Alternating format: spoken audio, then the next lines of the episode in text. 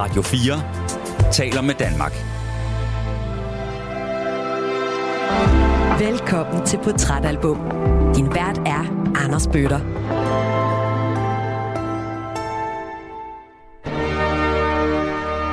Mozart ejer en glæde og en varme. Og en fanden i voldskhed og et lune. Og øh, en humoristisk sans. Altså, hans musik er jo så morsom.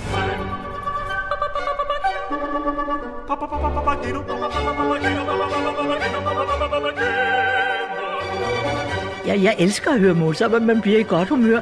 Selvom man er trist og ked af det, så kan man sætte noget Mozart på. Pludselig så, så bliver tilværelsen en lille smule anderledes for en, end den var for to sekunder siden. Jeg er jo opdraget i kritik, men i dag, hvis du kritiserer nogen som helst, så kommer du jo i fængsel. Kritik er noget af det bedste, jeg ved. Der er aldrig noget, der er let. Jeg kan ikke fordrage lave gære. Jeg kan kun lide høje gære. Jeg kan slet ikke lide noget, der er let. Ved du Hvad det det, der, noget? det der, det er min nye tatovering, Gita. Jeg kan ikke fordrage lave gær, vil høje gær. Ja.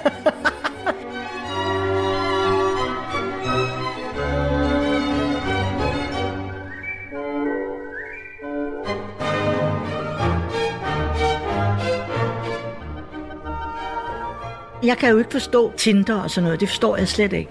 Jeg er alt for gammel. Jeg forstår at gå ud af en dør og blive forelsket. Det er det, jeg forstår.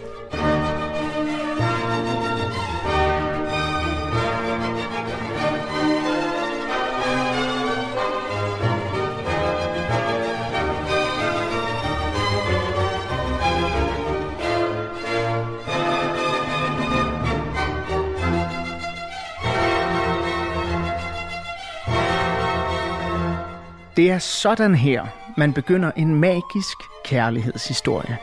Det her, det var lidt af overturen fra Mozarts opera Tryllefløjten. Kender du ikke det her syngespil fra 1791, så vil jeg senere i den her første del af ugens udsendelse gøre mit bedste for at opsummere handlingen for dig. Men til at begynde med, så vil min lyddesigner Emil Germod og jeg først og fremmest byde dig, der lytter med, hjertelig velkommen til en ganske særlig udgave af Portrætalbum her på Radio 4. Det er første gang, at vi beskæftiger os med klassisk musik og opera. Og det har vi glædet os meget til. Igennem de næste 2 gange 55 minutter, der kommer vi til at gøre tingene lidt anderledes, end vi plejer.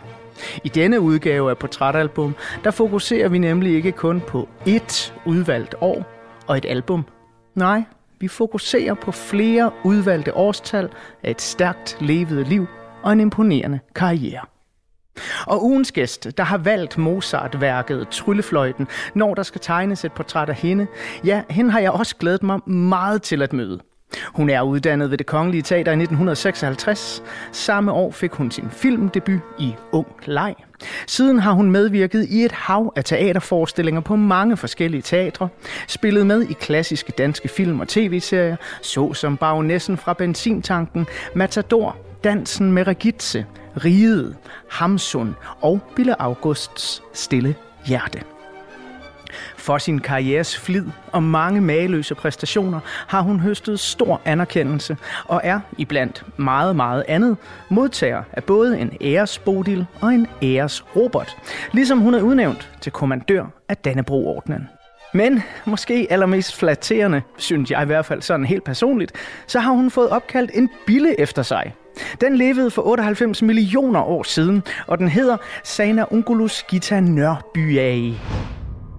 Kære Gita, hjertelig velkommen til Portrætalbum. tak skal du have. Jeg har taget et billede med af din bille. Har du det? Ja, den er her i, øh, Nej, i rav. hvor- Hvor er det spændende, fordi jeg har jo kun set den i ravet. Ja. Og der er den jo lille bitte. Ja, men det her det er Så forstørret det- lidt op. jamen, det er spændende, så det jeg kunne vil ikke finde noget, hvor den var ude af rav. Jamen det kan du ikke, det kan du ikke, det er den jo ikke. Nej, nej. Nej, ellers ødelægger du det jo. Ja, det er jo det. Ja, ja, nej, det Men jeg synes, ikke. den er smuk. Jamen det er den også. Altså, jeg blev bedt om at tage noget kage med, og jeg Ja. prøvede at finde noget, der lignede en bille, og noget, der lignede et rav, så, så jeg er jo kommet med gjort. et kæmpe kagebord. Det gjorde du, jeg opgaven løst. Ja, det synes jeg til fulde.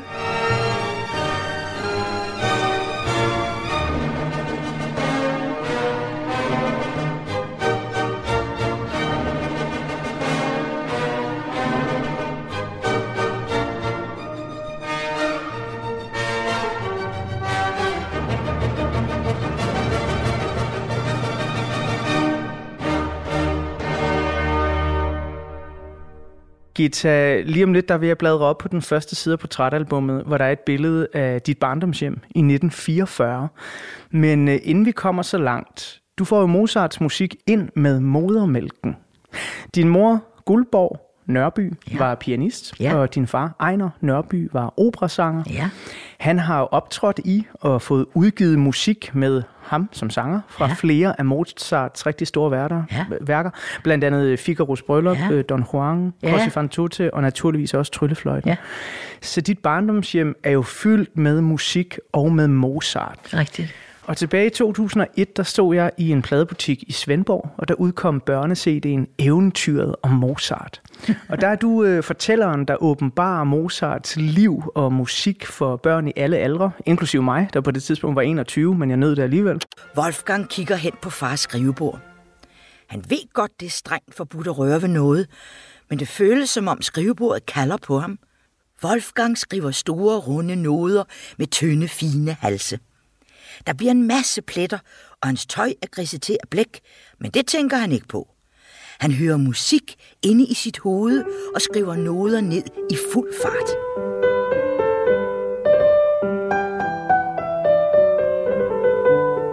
Så man kan jo sige, at Mozart har fulgt dig hele livet, ja. for nu har du også valgt ham her i dag i portrætalbum. Så Gita, hvad er det ved netop Mozarts historie og musik, som du holder så meget af? Ja, nu blev jeg jo født ind i tryllefløjten. Fordi da min mor lå og skulle føde mig, hvad vi selvfølgelig ikke vidste var mig dengang, men da hun skulle føde sit første barn, der var det så mærkværdigt, at min far var i radioen og sang Frygt ej, frygt ej, min søde pige, som Sarastro i Figaro's bryllup. Nej, stod i tryllefløjten. Så derfor er jeg simpelthen født ind i tryllefløjten. Wow. Ja. Så det var simpelthen et rent tilfælde, at ja, Danmarks Radio... Ja, ja, Wow. ja. Okay, ved du hvad, prøv at høre, Gita, det, det her det er et perfekt øjeblik for mig til at sige, at jeg synes faktisk, at vi skal høre en lille smule af din fars kraftfulde røst øh, fra Tryllefløjten. Øh, jeg har fundet et nummer frem, som øh, er stedet, hvor troldmanden Sarastros ja. arie til prinsessen Pamina, ja. hvor han netop siger til hende, du skal ikke frygte. Frygt dig, disse... frygt dig, min søde pige. præcis. Ikke frygte de hellige haller. Ja. Jeg har fundet en indspilling fra 1929, Ej. så det kan jo være, at det er den, der er blevet spillet, da du blev født. Det er det sikkert. It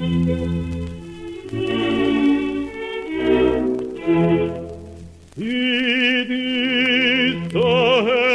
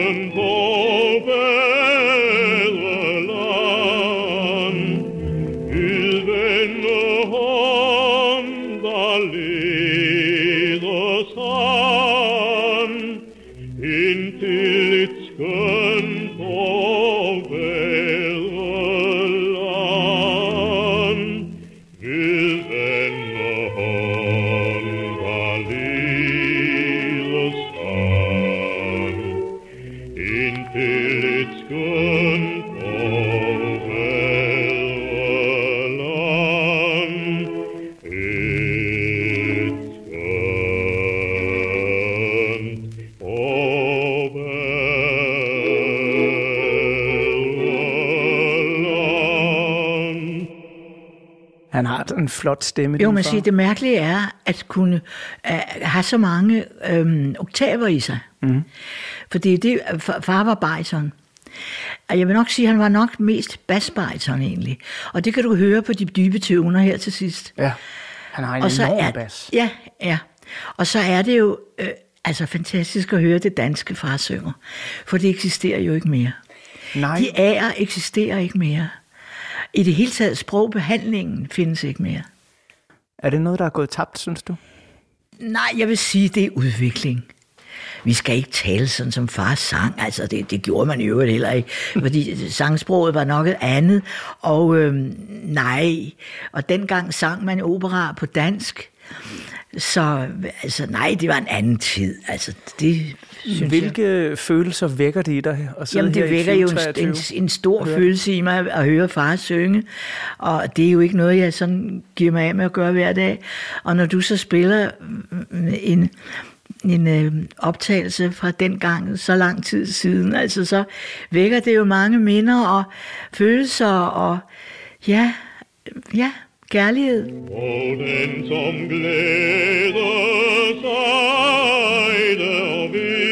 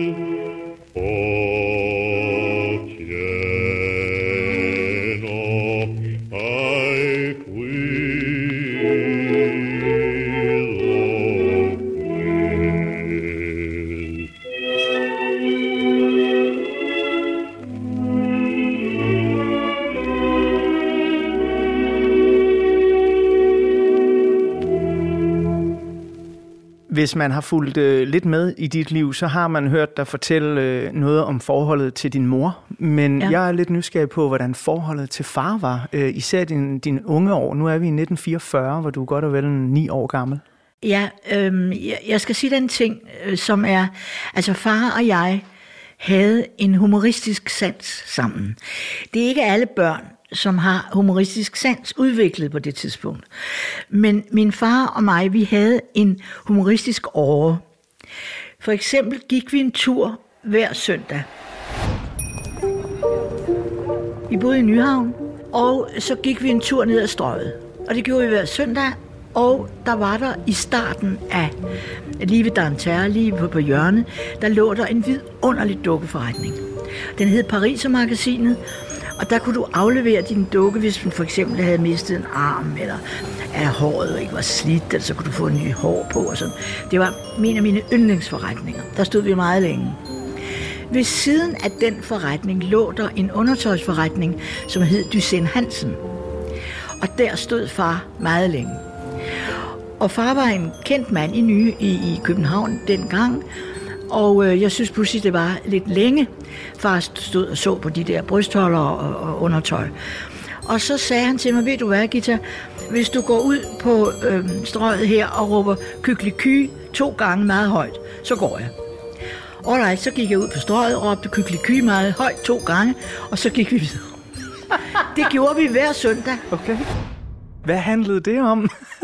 Humor. ja. ja, jeg sidder jo og griner, så. Ja. det virkede jo. Humor. Ej, det- var da et dejligt barndomsminde. Ja. Prøv at høre, uh, Gita. Som sagt, vi, vi landede i 1944 på den her side af portrætalbummet, og det er jo også øh, en alvorlig tid. Ja, men det var jo krigen, men ja. ja. det kan jeg ikke huske. Jeg kan ikke rigtig huske. Altså, jeg kan huske, øh, da min skole, Sortdam Gymnasium, pludselig blev erobret af tyskerne, for det kan jeg jo det kan jeg huske. Ja. Og min veninde øh, og mig, vi styrtede ned og reddede alt vores gymnastiktøj. Og derfor synes vi jo, at vi havde en stor del af frihedskampen i os. Nå, men det kan jeg huske, og så kan jeg huske, at vi kom over i en anden skole og gik, og der sagde rektor, da vi skulle op i det, der hed første mellem, hed det dengang. Og så sagde han, at jeg kom før kun op i første mellem på grund af tyskerne. Så derfor havde jeg en vis taknemmelighed for, at, at de havde været der, sådan så jeg kunne fortsætte min skolegang. For ellers stod der altid på tavlen, Gita er dum.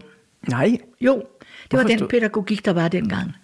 Det var fordi, jeg hørte ikke efter, jeg var et andet sted. Nå. Ja. Så det skrev læreren Så på det, tavlen? jeg var jo glad for, at der dengang ikke er som i dag. Og noget af det frygteligste, jeg synes, diagnoser. Altså tænk engang, hvor, hvor, hvor det er skammeligt, synes jeg, at børn får diagnoser i dag.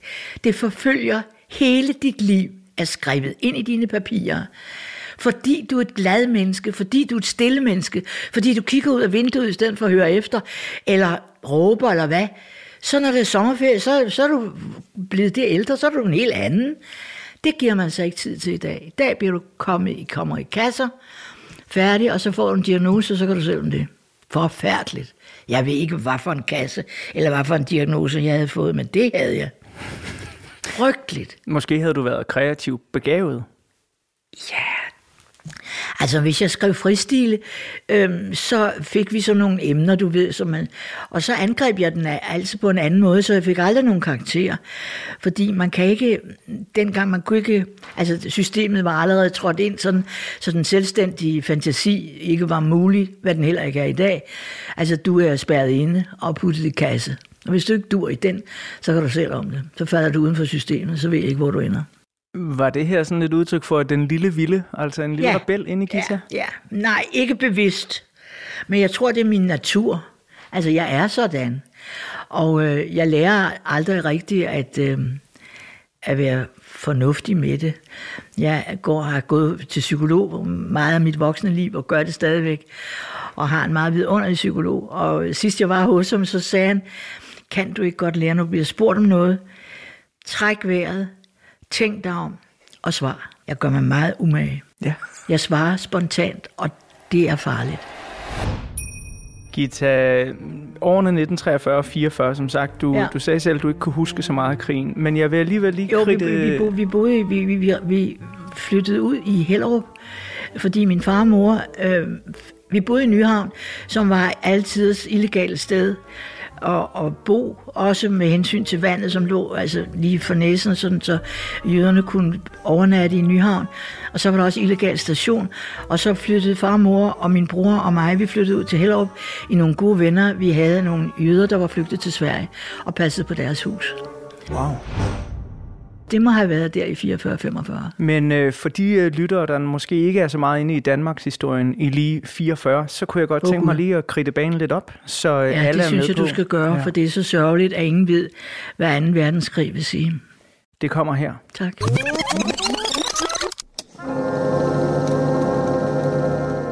I 1944, 2. verdenskrig raser, Danmark er besat af Tyskland. Det er året, hvor Adolf Hitler bliver forsøgt myrdet i sit hovedkvarter under den 20. juli attentatet. Det er året, hvor Anne Frank skriver det sidste notat i sin dagbog. De danske digtere og modstandsmænd Morten Nielsen og Kai Munk dør. 14 medlemmer af Hvidstengruppen stilles for en krigsret, og otte af dem dømmes til døden. 2.000 danske politibetjente deporteres og sættes i tyske koncentrationslejre. Og så er det også året, hvor der indføres spærretid og mødeforbud mellem kl. 20 om aftenen og 5 om morgenen. Men her der havde den tyske overmagt måske forregnet sig i 1944. For især københavnerne går oprør og starter folkestrejken, som kommer til at lamme hovedstaden og sætte København i militær undtagelsestilstand. Betydningen af denne folkelige opstand for krigens gang i Danmark kan ikke undervurderes. Det blev aldrig annonceret som en strejke. Arbejderne sagde ganske enkelt, når man fik frarøvet tiden om aftenen, måtte man selv tage friheden om dagen. Kolonihaverne skulle passes, og det blev til en voldsom konfrontation mellem københavnerne og tyskerne. Det var øh, et meget kort oprids over nogle af begivenhederne fra 1944. Jeg har fundet et øh, billede, der ja. Ja. blev bragt i billedbladet fra 1943, hvor du sidder her ja. Ja. sammen med, øh, Med min din mor. Claus Ja, din mor Claus. og min mor, vi sidder i Nyhavn og laver julestads. Ja. Det gør vi. Det gjorde vi altid. Og øh, så havde vi noget, der hed julekassen. Og den var oppe på loftet, og den skulle så ned. Og det var altid en meget stor begivenhed, når julekassen kom ned. For så skulle vi reparere det gamle julestads. Og så hængte vi det på en snor i stuen, og der hængte vi det alt det julestads, vi så havde gjort i stand. Hvor er det dejligt at høre, at man reparerer ens øh, gamle Ja, ja, julestads. det gør at vi man... rigtig nok. Dejligt. Jeg har også et andet billede, jeg har fundet faktisk af din mor og far. Ved, Ja. øh, jeg tror, det er ved klaveret. Øh, Ja, det er det. Ja, ja, ja, ja. 1944. Det er i, i Nyhavn. Ja, ja. Det er sådan et smukt billede. Ja, det er yndigt. Jeg kender det godt. I øh, 1943, der spiller din far som den første hvide mand nogensinde. Porgy. Porgy i øh, stykket Porgy og Bess. Operaen Porgy og Bess. Det er skrevet af Gershwin, som er øh, amerikansk jøde, ja. Ja. og, og stykket handler jo endda om afroamerikanere. Det, Det er forbudt at spille øh, af, af hvide mennesker nu. Det er det. Ja, det er det. Og din far var den første, Første hvide mand, der hvide mand i Danmark, Og der- det gør han jo så i 1943. Ja. Øh, og det kan jo ikke have været helt ufarligt Jamen for det var det heller ikke. Der var øh, kanoner, som rettedes imod det kongelige teater. Altså med den vej, med kanonsigtet imod det kongelige teater.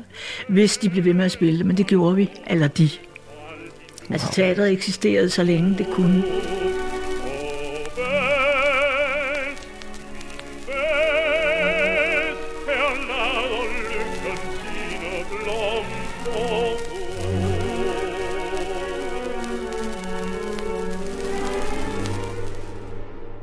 Nu siger du, der er meget fra krigen, du ikke kan huske, men ja. Ja. havde du alligevel som barn en fornemmelse af, at der foregik noget, der var lidt farligt? det havde jeg, men øhm, altså rent bortset fra gymnastiktøjet og, og skolen, der blev besat. Og øhm, altså der vil jeg sige, at min far og mor, tror jeg, øh, skånede min bror og mig for viden egentlig. Altså, vi havde jo mange mennesker af vores gode venner, af farmors og gode venner, som boede i Nyhavn og overnattede. Og det synes jo min bror og mig var mægtig hyggeligt. Men øh, så forsvandt de jo dagen efter og rejste til Sverige. Men vi forbandt det ikke rigtigt med, med nogen øh, fare. Så vidt jeg husker det, var vi ret øh, uvidende om det. Ja, det var vi faktisk. Er du glad for det den dag i dag? Det ved jeg ikke. Hvordan skal man forholde sig til, hvad der er sket så mange år siden? Hvis jeg havde vidst det, så havde jeg vidst det. Men øh, jeg, kan, jeg, jeg tror ikke, at øh, vi blev særlig meget oplyst. Og egentlig er det måske rigtigt, fordi hvis vi to små børn pludselig var blevet stanset af tyskerne, så havde vi jo ikke vidst noget. Og det er jo sådan set meget klogt gjort af forældre, kan man sige, på den tid. Lige om lidt, så øh, vil jeg bladre op på den næste side af portrætalbummet, hvor jeg vil tegne et øh, ultrakort portræt af Mozarts opera Tryllefløjten. Og det er så alle de lyttere, der ikke kender det her værk, øh, de kan blive public service serviceret med sådan et lille destillat af Tryllefløjtens øh, betydninger og overordnede handlinger. Men er svært. Først så skal vi tilbage til musikken, Gita, og høre et af mine absolute favoritstykker fra Tryllefløjten. Ja. Jeg er simpelthen så glad for, at du har præsenteret mig for det her værk. Ja, fordi jeg har, jo, jeg har jo siddet med hovedet nede i den her to Ja, og en halv time lange opera, og bare øh, virkelig tærpet og tærpet. Øh, så jeg har fået favoritnumre. Godt. Øhm, og det er faktisk et nummer, som, som din far også har haft noget med at gøre, for i, i 1946, der indspiller han en duet fra Tryllefløjten med øh, Edith Oldrup. Oldrup. ja. Duetten øh, Papageno og Ja, Papagena. Papagena. Ja. Øhm, og papa, papa, Papageno. Præcis. Ja. Og, og netop øh, Papageno synes jeg virkelig er en skøn, skøn figur at, Det at følge i Tryllefløjten. Så, ja. Så lige om lidt, så skal vi øh, høre øh, Der Føgelfænger, Ja. den ich ja. Øhm, og den har sådan, især i det her hopsasser, der Ja, kommer. ja, ja, jeg ja. synes, der er sådan noget dejligt barnligt over Jamen, det er der også, men det var jo øh, nogle høns, eller nogle haner, eller en blanding af det, som Mozart har fundet ud af. Altså lavet sådan et par, som sådan er sjove, og taler om de mange børn, de skal have og sådan noget. Hvor meget kan du huske af detaljer fra Tryllefløjten? Meget. Gennem din, altså Ja, gennem ja. din barndom også? Ja, ja, det kan jeg rigtig noget. Ja. Men det var jo en gammeldags opsætning, altså nu bliver det jo lavet helt anderledes. Men jeg kan tydeligt huske billederne, jo, det kan jeg. Jo, Har du et slag på tasken, nogen idé om, hvornår du første gang er blevet taget med ind og i se? det kongelige teater. Ja. Jeg har vel været tre år eller sådan noget lignende. Ja, ja, jeg har altid været der. Så det er jo simpelthen, altså du har Mozart i blodet. Det har jeg, og det kongelige i blodet.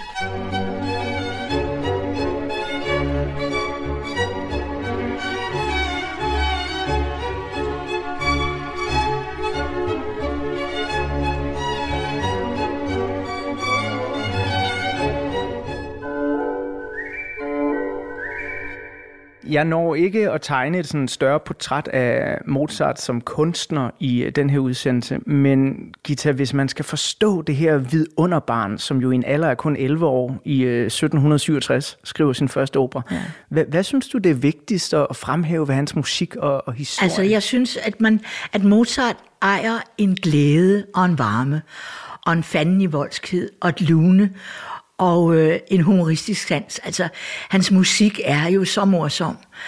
Og al hans musik er jo faktisk sjov og vidunderlig og Jamen, Ej, Jeg, jeg, jeg elsker at høre Mozart, men man bliver i godt humør. Selvom man er trist og ked af det, så kan man sætte noget Mozart på, og pludselig så, så bliver tilværelsen en lille smule anderledes for en, end den var for to sekunder siden.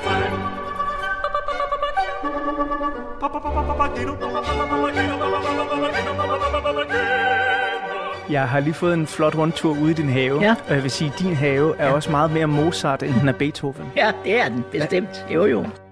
Men du kunne jo også have, have valgt en hel masse andet af, af Mozart. Også noget af det, din far selv har spillet. Ja, ja, Figaro's ja. bryllup Ja, ja, det kunne jeg Så lige tryllefløjten. Hvorfor Jamen, det den var så på grund af det, at jeg er født ind i det. Mm. Det var den lille historie, jeg synes var så mærkelig. Men det er det at også. far synger den arie i, i, i radioen, mens mor ligger og føder mig. Ja.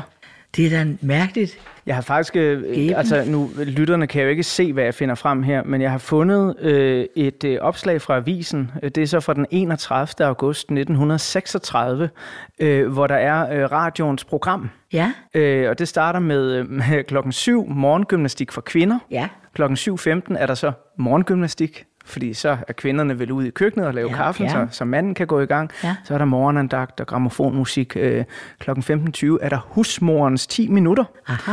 Øh, og så øh, sker det så, at der klokken 20 om aftenen er billeder af operaens historie. Øh, og der har vi en masse forskellige øh, komponister, øh, blandt andet øh, Wolfgang Amadeus Mozart, Ja. hvor øh, din far han er på som Figaro. Ja. Se, øh, det, det, det fine opslag her, det, det står med meget småt helt dernede. det er ikke? Øh, Jeg synes bare, den var sjov at tage Ja, med, det det netop også. fordi, at det er jo sådan en... Ja. når vi, altså, jeg er blevet øh, sådan helt bjergtaget af at Det dykke godt. ned i din historie, Mægtigt. fordi at det jo går op for mig, hvor enormt meget der er sket i verden Åh ja. i den Åh tid, ja. du har været her på jorden. Åh oh, ja, det er der. Og vi, vi kommer tilbage til øh, præcis, hvor, hvor meget der egentlig er, når jeg bladrer op på nogle af de næste sider, og vi skal tage fat i nogle flere årstal. Men det her, det var altså 1944, hvor du Ja. er en øh, 9-årig pige. Ja. Inden jeg lige sætter der Vogelfænger Ja. ja. i, jer i gang, Ja, ja. Så bør jeg, øh, så bør jeg give en øh, stor tak til øh, opera- og orkesterdirigent Magnus Larsson, som har været en uvurderlig hjælp i min musikresearch til Ja, den her udsendelse. fint. Det er også Magnus Larsson, der har peget mig i retning af den indspilning af Tryllefløjten, som vi bruger i løbet af de her 2 gange 55 minutter på Radio 4. Det er dirigent John Elliot Gardner, der sammen med The Monteverdi Choir og The English Baroque Soloists i 1995 indspiller den her fremragende version af Tryllefløjten, og den bliver så udgivet som dobbelt-CD af Deutsche Grammophon i 1996. Ja. Inden jeg bladrer op på den næste side af portrætalbummet og tegner et ultrakort portræt af Tryllefløjten, så skal vi her høre et stykke fra anden akt. Det her er Der Vogelfänger bin, Bin ich ja.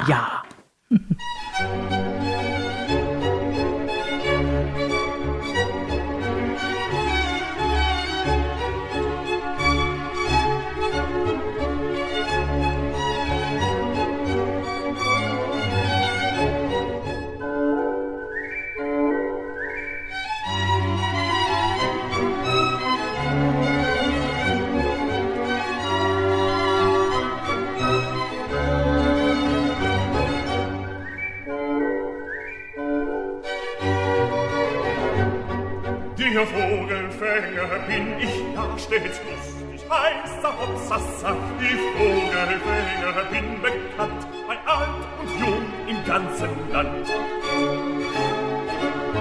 Weiß mit dem Locken umzugehen und blind auf Pfeifen zu verstehen.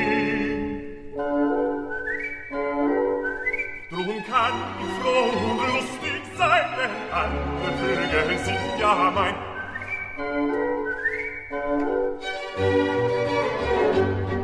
Der Vogelfänger bin ich ja stets lustig, heißer Hopsassa. Ich Vogelfänger bin bekannt, bei alt und jung im ganzen Land. Ein Netz für Mädchen möchte ich, ich fing sie dutzend weiß für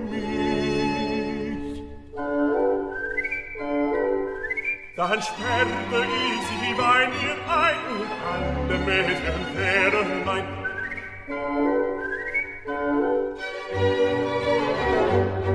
Wenn alle Mädchen wären mein, so tauschte ich nach Zucker an, die welche mir am liebsten wär, der gäb ich gleich den Zucker her. Küsste sie zärtlich, dann wär sie mein Weib und ich ihr Mann. Sie schlief an meiner Seite ein, wiegte wie ein Küsschen.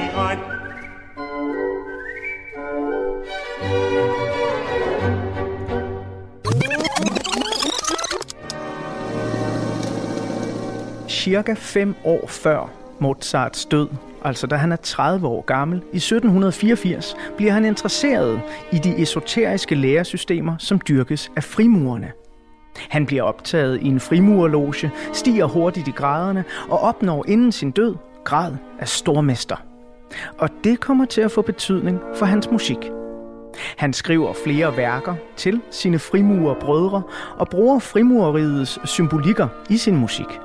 Blandt andet så har tryllefløjten flere centrale referencer til frimureri. Jeg er ikke ekspert på hverken frimurer eller klassisk musik, men jeg ved, at frimurer nærer en særlig kærlighed til tallet 3, som symboliserer en form for balance og orden.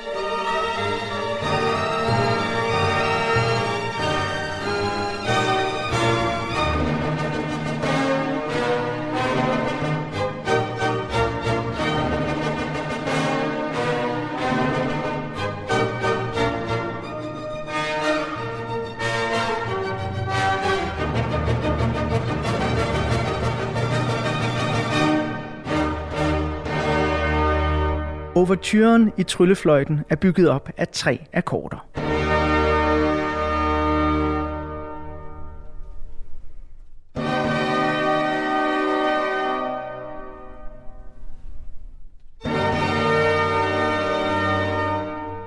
Handlingen, der er skrevet af Mozarts frimurerbruder Emanuel Schikaneder, indeholder også tallet 3.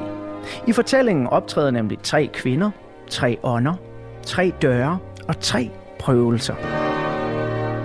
Til lige så har jeg også lavet mig fortælle, at frimurerne tror på, at mennesket og samfundet kan besejre frygt, had og mørke igennem musikkens kraft. Og den musik kunne jo eksempelvis blive spillet af en magisk fløjte. Bliver frygt og had besejret, bliver mørket fortrængt af lyset, ja, så kan samfundet, ifølge frimurerne, blive et broderskab af balance og orden, harmoni og tolerance. Og så kan mænd og kvinder i forening blive frie og oplyste igennem prøvelser, ritualer, karakterstyrke og kærlighed.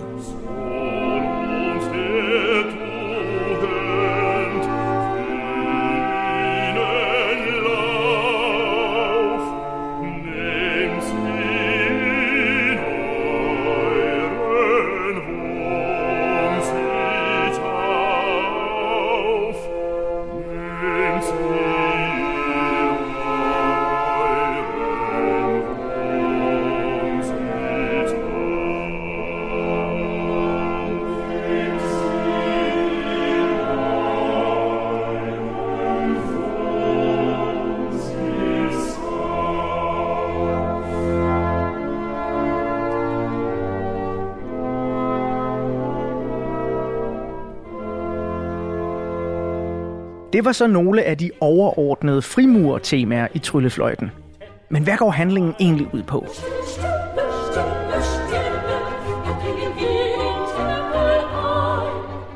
jo, helt kort referat, så består rollelisten blandt andet af prinsen Tamino, fuglefængeren Papageno, troldmanden Sarastro og prinsesse Pamina, der er datter af nattens dronning. Prins Tamino reddes i sin kamp mod en kæmpe slange af tre af nattens dronnings hofdamer.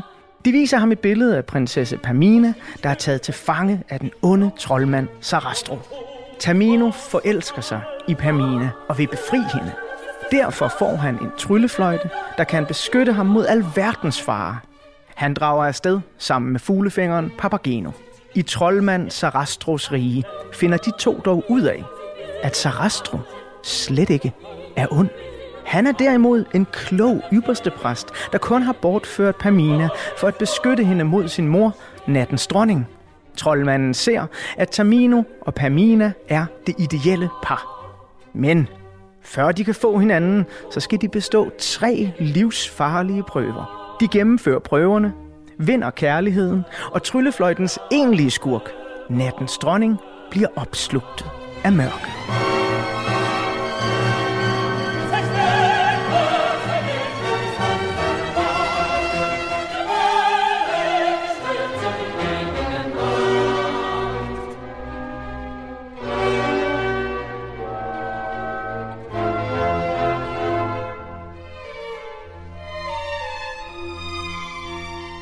Det her var naturligvis en ultrakort overflyvning af den overordnede handling i Tryllefløjten.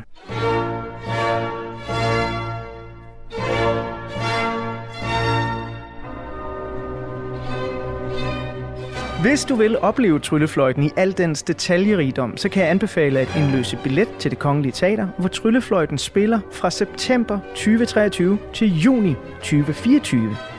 Kan du ikke vente så længe, så er Tryllefløjten også filmatiseret af blandt andet Ingmar Bergman i 1975 og Kenneth Branagh i 2006. Pamina. Pamina. Pamina. Pamina. The Queen has heard you. Your every word has reached her ears. Oh, it was gorgeous. Lovely tune. If this young man, the Queen said, is as brave as he's passionate, then perhaps my poor Pamina may be saved. Saved? Saved? Where is she? Pamina was kidnapped by Sarastro. Powerful, evil, mad. Prepare yourself. The Queen is coming.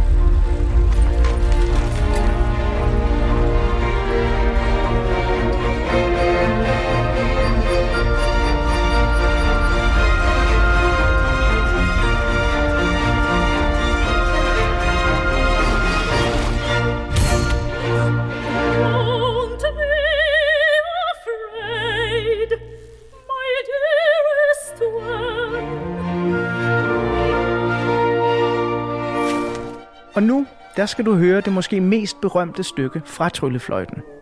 Ifølge min konsulent på denne udsendelse, opera- og orkesterdirigent Magnus Larsson, så er der her tale om, hvad der kan defineres som en atletisk disciplin.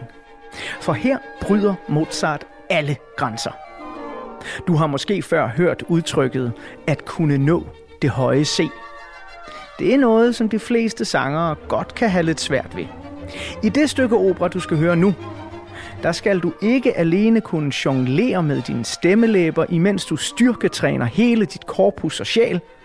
Nej, du skal også kunne nå det høje F. Det her er Der Hölle Rachte kogt in meinem Herzen.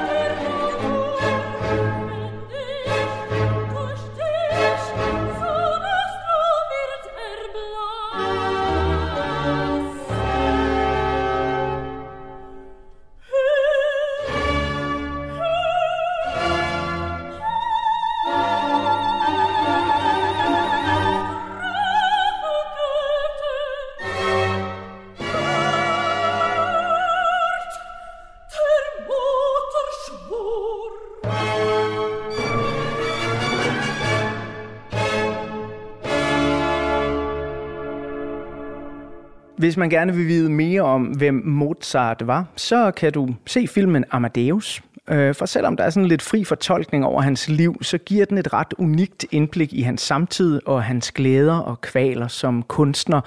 Eller også, så kan du måske finde børnesedien udgivelsen Eventyret om Mozart, hvor ugens gæst Gita Nørby fortæller om Mozarts liv.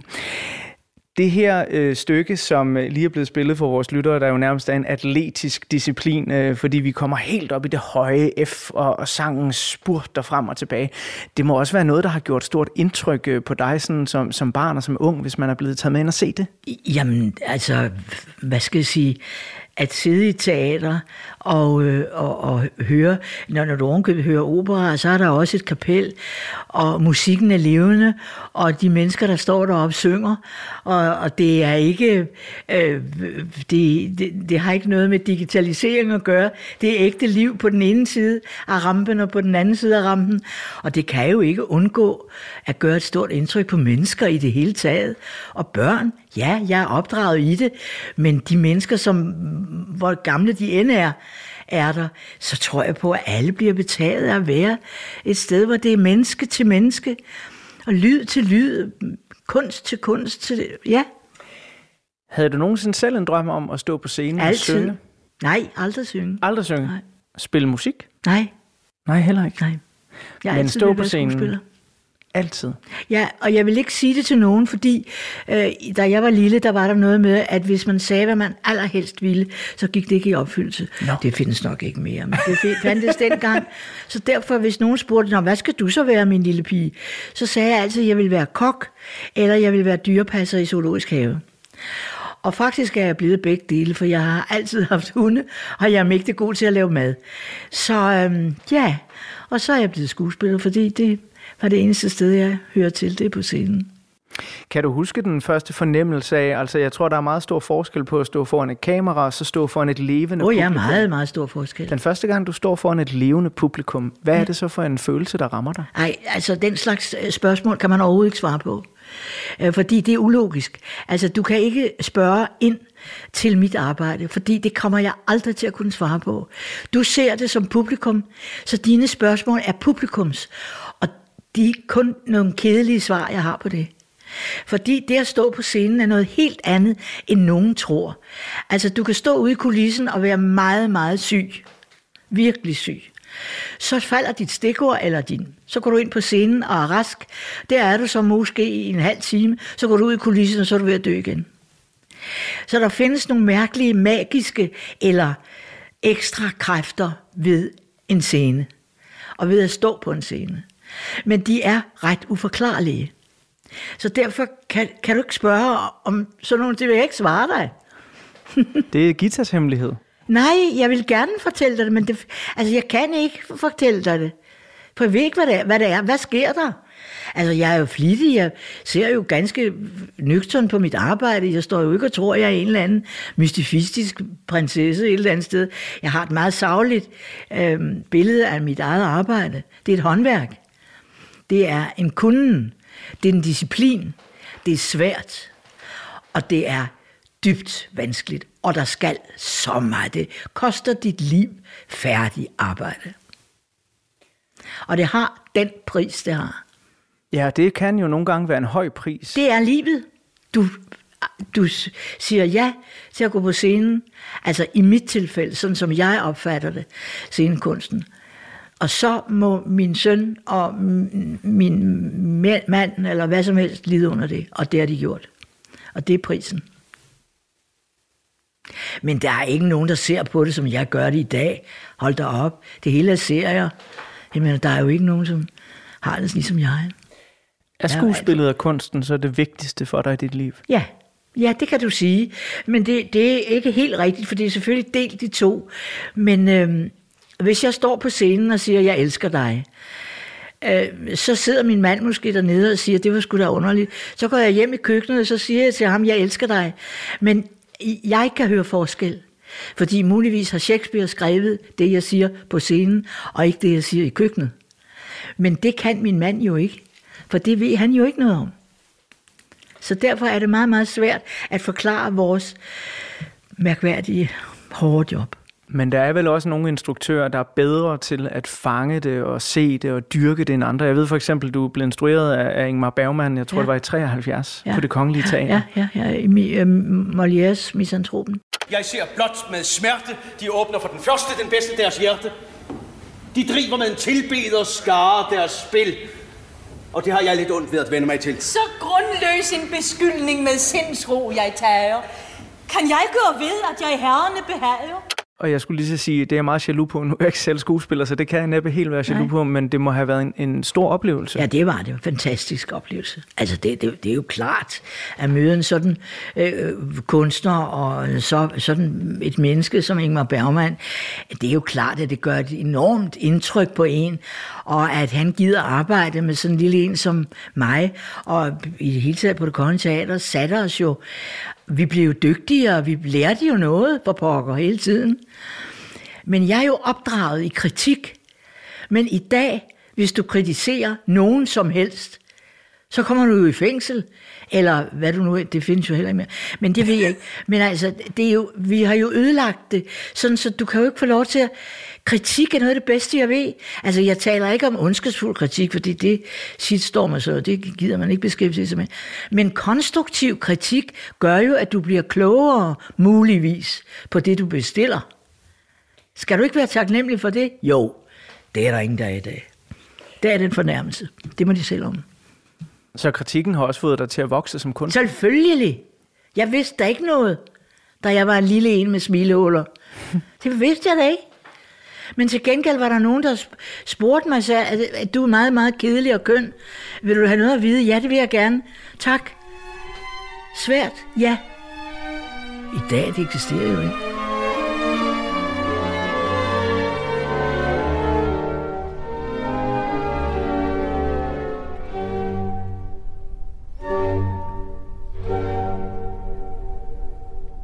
Gita, jeg er enormt glad for din åbenhjertethed, og for øh, netop også at bringe kritikken på banen, fordi det er jo noget, øh, som jeg tror, øh, mange mennesker kan lære meget af, inklusive mig selv. Jeg er god til at tage mod konstruktiv kritik, men, Ja. men netop altså, folk, der siger noget i en eller anden shitstorm, Nej, det kan det er forfærdeligt, men Ja. det er jo, jeg mener, at det er digitaliseringens tid. Jeg mener, der kan sidde mennesker i vores lille mærkelige land bag en computer og sende dig en dødstrussel. Ja. Og det menneske har intet ansvar for det. Altså, jeg synes du ikke, det er forfærdeligt? Jo, det synes jeg, det er. Jeg mener, hvad danner det ikke for en stemning imellem mennesker? Men sådan noget har du forhåbentlig ikke prøvet. Jeg er ikke på nogen medier. Så det ved jeg Tillykke ikke med noget det. om. Det, det, Jeg aner det, jeg har aldrig været det. Ved du hvad, det kan For- du være glad for. Jamen, det er ikke noget, jeg kan være glad for. Det er noget, jeg har aldrig nogensinde har ville have ind i min sjæl. Det er alt det der Instagram og whatever det hedder alt sammen. Og, hvad hedder det? TikTok og... Ja, aldrig nogensinde vil jeg have det ind i min sjæl. Det har du til fælles med øh, din gode kollega og veninde Sofie Gråbøl. Ja. Hun sagde jo til mig, da hun var her i portrætalbum, og vi snakkede om vores fælles store idol, vores skytsengel David Bowie, at Ja. hun var sådan helt, åh, jamen, hvad ligner det også, at jeg ikke er på sociale medier? Og det roste jeg hende for, ja. fordi jeg tror, at øh, altså, generelt, jo, man kan have nogle sjove oplevelser, men generelt for ens ånd og for dannelsen er det usundt at være der. Altså, jeg ved det ikke, for jeg, jeg er det ikke. Men øh, jeg hører jo, at mennesker bruger mange timer på at sidde og, og, og, og læse øh, hvad som helst på, på, de, på de digitale medier, ikke sandt? Og de kunne måske bruge deres tid til at se på en rose, eller birketræerne er sprunget ud, eller det er solskin, eller det regner, eller lave en kop kaffe, eller måske et glas vin, eller Oh, se en dejligt. ven, Ja. eller snakke med nogen. Hvad, hvad hedder du? Jeg hedder det. Nå, det var sjovt. Vær sammen, det er der jo ingen, der er mere. Gita, vi er sammen her i dit Ja. dejlige hjem. Vi Ja. kan kigge ud på øh, en af Ja. de øh, skønneste haver. Ja. Jeg har været på besøg. Jeg har efterhånden besøgt en del. Ja. Øh, jeg vil sige, du, øh, du ligger... Øh, det er jo ikke nogen konkurrence. Men den er Puk- så du skal ikke være ked af det. Jamen, det er jeg heller ikke. Puk Elgårds have, den var også dejlig. Ja. Øh, men, men din har virkelig noget svung Ja, det over sig. den, ja. Rigtig dejligt. Lige om lidt, så vil jeg klappe portrætalbummet sammen og afrunde den her første del af ugens udsendelse. Og når jeg åbner portrætalbummet igen, så går vi i gang med del 2. Der skal vi bladre op på nye sider af portrætalbummet og åbne nye kapitler i dit liv, Gita. Ja. Vi skal blandt andet se billeder fra året 1956, hvor du bliver uddannet skuespiller, får ja. din filmdebut, bliver gift for første gang.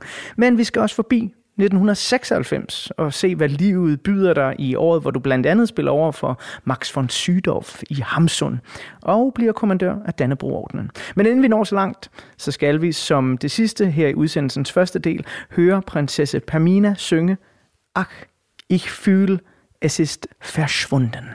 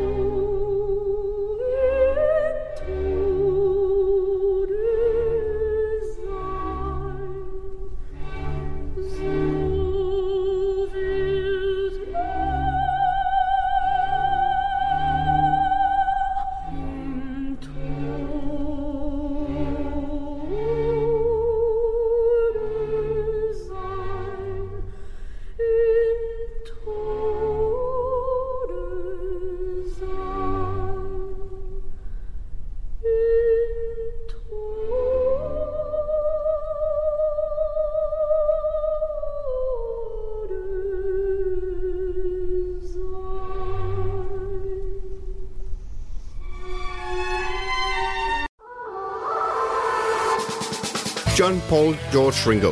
Det er nærmest et børnerim. I årvis har man diskuteret, hvem der egentlig var den femte Beatle. Jeg synes ikke, det er helt forkert at sige, at The Beatles er en af de 20. århundredes største myter. Over sommeren sætter Beatles-nørderne Christoffer Lind og Nils Jakob Myge jagten ind på at finde den, som har gjort sig fortjent til titlen. Nu skal vi have det etableret en gang for alle. Hvem var den femte Beatle? Fra store personligheder til anonyme vandbærere, dramatiske livshistorier og tragiske skæbner.